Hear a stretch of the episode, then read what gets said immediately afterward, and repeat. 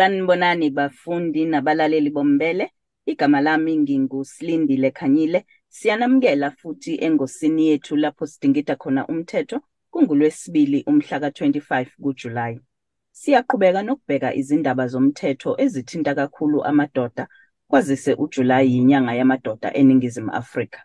Namhlanje sibheka ukuthi yimaphi amalungelo indoda enawo uma ilahlwe ngobengumkayo kodwa kwagcina kungahlukaniswanga ngokusemthethweni. Ukubheka lolu daba kabanzi ukhona ungoti wethu womthetho umnumzane uMpumelelo Zikalala weZikalala Attorneys. Mnumzane Zikalala siyakubingelela futhi siyakwamukela kumbele. Angikubingelele bese ngibekele kakhulu abalaleli nababukeli bombele. Mnumzane Zikalala kufanele yenze njani indoda elahlwe ngobengumkayo kodwa bagcina bengahlukanisanga uma esebuya ethi naye ufuna ukuthola ingxenye yezimpahla noma imali. Kuyadiphenda ukuthi lokho uma isebuya usuke esebuya nini. Khona ababuya uthola ukuthi usebuya kwa umuntu wesilisa noma indoda isidlulile emhlabeni. Lokho-ke umama uma esebuya usuke esethola yonke into kube ngathi akaze kwenzeke lutho ngoba yikho lento ekuthiwa i-forfeit. Kodwa uma sekuthiwa sebeya-divorce uyakwazi uqabulela into ekuthiwa i-forfeiture la uzothi khona hayi kanti inkosi enkantolo ngicela ukukukhumbuza noma ngokucacisela ukuthi kusukela kulesi sikhathi umama ubengasekho endlini bese ngaphandle so le ngxenye eqala la kulo nyaka size sifikela sikhona manje ayizange ize-contribute uyena kulowa 50-50 esashade ngama ngabe ukuthi kwashade in community of property. Uyakwazi ukuthi grant into ekuthiwa i-forfeit kodwa uma sekuthiwa umuntu usedlulile emhlabeni yila khona ungeke uzokwazi ukwenza lutho even nomndeni wakho ngeke uzokwazi ukwenza lutho. Ngendlela ukuba serious ngayo even umama ongahlalanga nayo for the past 30 years uyena ongasho ukuthi ithambo lakho lokugcina ikuphi la lizofihlwa khona uma sekuthiwa usundlulile emhlabeni. So kubalulekile ukuthi ma usubona ukuthi engathi izinto ayihlangani kahle ngiyawubona unyaka mhlawumbe ukuhleli ku-separation ngabe ukuthi hayi mhlawumbe khona la kuyogcina kulunge khona. Kodwa uma sekudlulile lapho ayi ngeke awuyifake leya divorce ngoba uyena uzokwazi ukuthi kusize ngokuhamba kwesikhathi ngeke usasizakala ukudlula lapho. Uma ngabe kusuke kuwukuthi ngabantu laba mhlawumbe abanezingane ezineminyaka engaphansi kwengu-18 izingane zisele ekhaya nobaba. Kungabe nakuleso simo uyakwazi ukuthi ubaba acele ukuthi izingane zibe ngaphansi kwesandla sakhe ngokugcwele lokhu sithi full custody noma akakwazi kwenza lutho uma ngabe umama esaphila emhlabeni? Kufanele sikuhlukaniseke le phakathi kwe-full custody nento ekuthiwa i-shared visitation rights.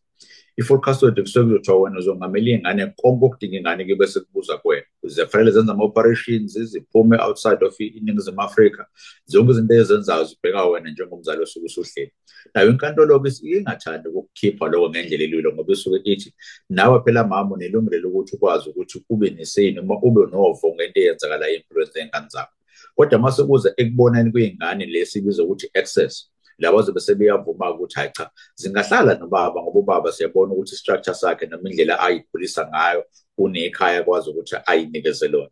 Kodwa wena bese uyakwazi ukuthi access uyibone nje noma mhlawumbe kuthiwa ayingamampela sonto noma kuthiwa amaholidi uma ngabe kuthiwa ama-birthdays khona abantu abazalayo namaholidi amakhulu afana no-christmas nama-easter. Uyakwazi ukuthi kuthiwa bese niyavumelana lapho-ke. Kodwa ngoba kwakubonakala ukuthi engathi lelo daba ligcina seliyinkinga kakhulu abasuke bekhona iy'nhlaka eziwu-two ey'siza abantu abasuke bethandana ukuthi abayisolve kanjani lo yokuqala i-office lika-family advocate okwaziyo ukuthi uye kulona awudingi ngisho ummeli lapha moya khona. Ufike uyosho ukuthi hayi nayo situation yami engibhekene nayo. Ngicela wona office lika-advocate ningikhiphele umuntu ozohlala phansi akwazi ukusinqumela ukuthi senze njani.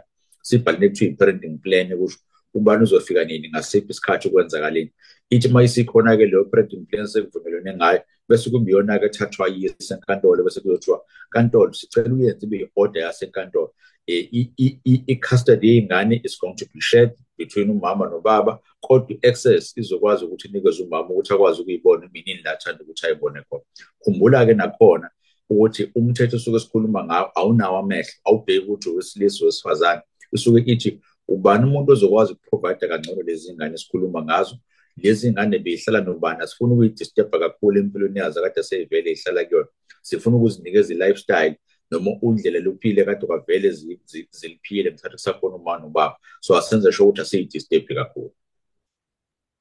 Uma ngabe mhlawumbe kuwukuthi umuntu wesilisa noma indoda ifisa ukuthenga izinto kanti ishade umshado ohlanganise amafa njengoba kukhona la kwesinye isikhathi kuyaye kuthiwe awukwazi mhlawumbe or uma ngabe ufisa ukuboleka imali ethile kufuneka ukuthi nomuntu oshade naye nisayini uma kuwukuthi nishade umshado ohlanganisa amafa. Wenze njani esimeni esifana nalesi esikhuluma ngaso? Ila esuke sesitakhe khona-ke ngoba ngaphandle lo mboleka imali e-willing ukuthatha i-risk yokuthi cha uma singasakhokheleki angeke ngikwazi ukuya kulo muntu wesibili obengekho yena ukuvuma ukuthi lesi sikweletu uyasibhayinda kule joint estate yenu. Noma kule kulo mnotho wena eseniwakhile nobabili akakwazi ukuthi ayindawo. Yibo kubaluleke ukuthi decide ukuthi ufuna ukwenza njani. Uma usubona ukuthi engathi akusezi kahle izoma impilo yakho ey'ntweni ey'ningi. Yebo uzothola abantu abazothi hayi sokwenzela ngomgunyathi sikuhlanganisele kube ngathi signature yakhe ibikhona kodwa kuba inkinga ngokuhamba kwesikhathi mase lezo zinto zingasasolveki siyithole sesisenkingeni so kubalulekile ukuthi asiyisolve yonke le process. And then bese kuwukuthi kuyisolveni kwethu siyabona ukuthi ikuphi kufanele sikwenze khona sizokwazi ukuthi sibe isolution yayo yonke into ukuze ukwazi ukuthola isixazululo nje esihle. Hambe uyehlukanisa uma usubona ukuthi umshado wakho awusezi kahle. Mnumzane Zikalala njenganjalo. Siyabonga kakhulu ngesikhathi sakho. Kubonga mina kakhulu nibe nosuku oluhle. Lowo bekungumnumzane umpumelelo Zikalala wezikalala attorneys siyabonga.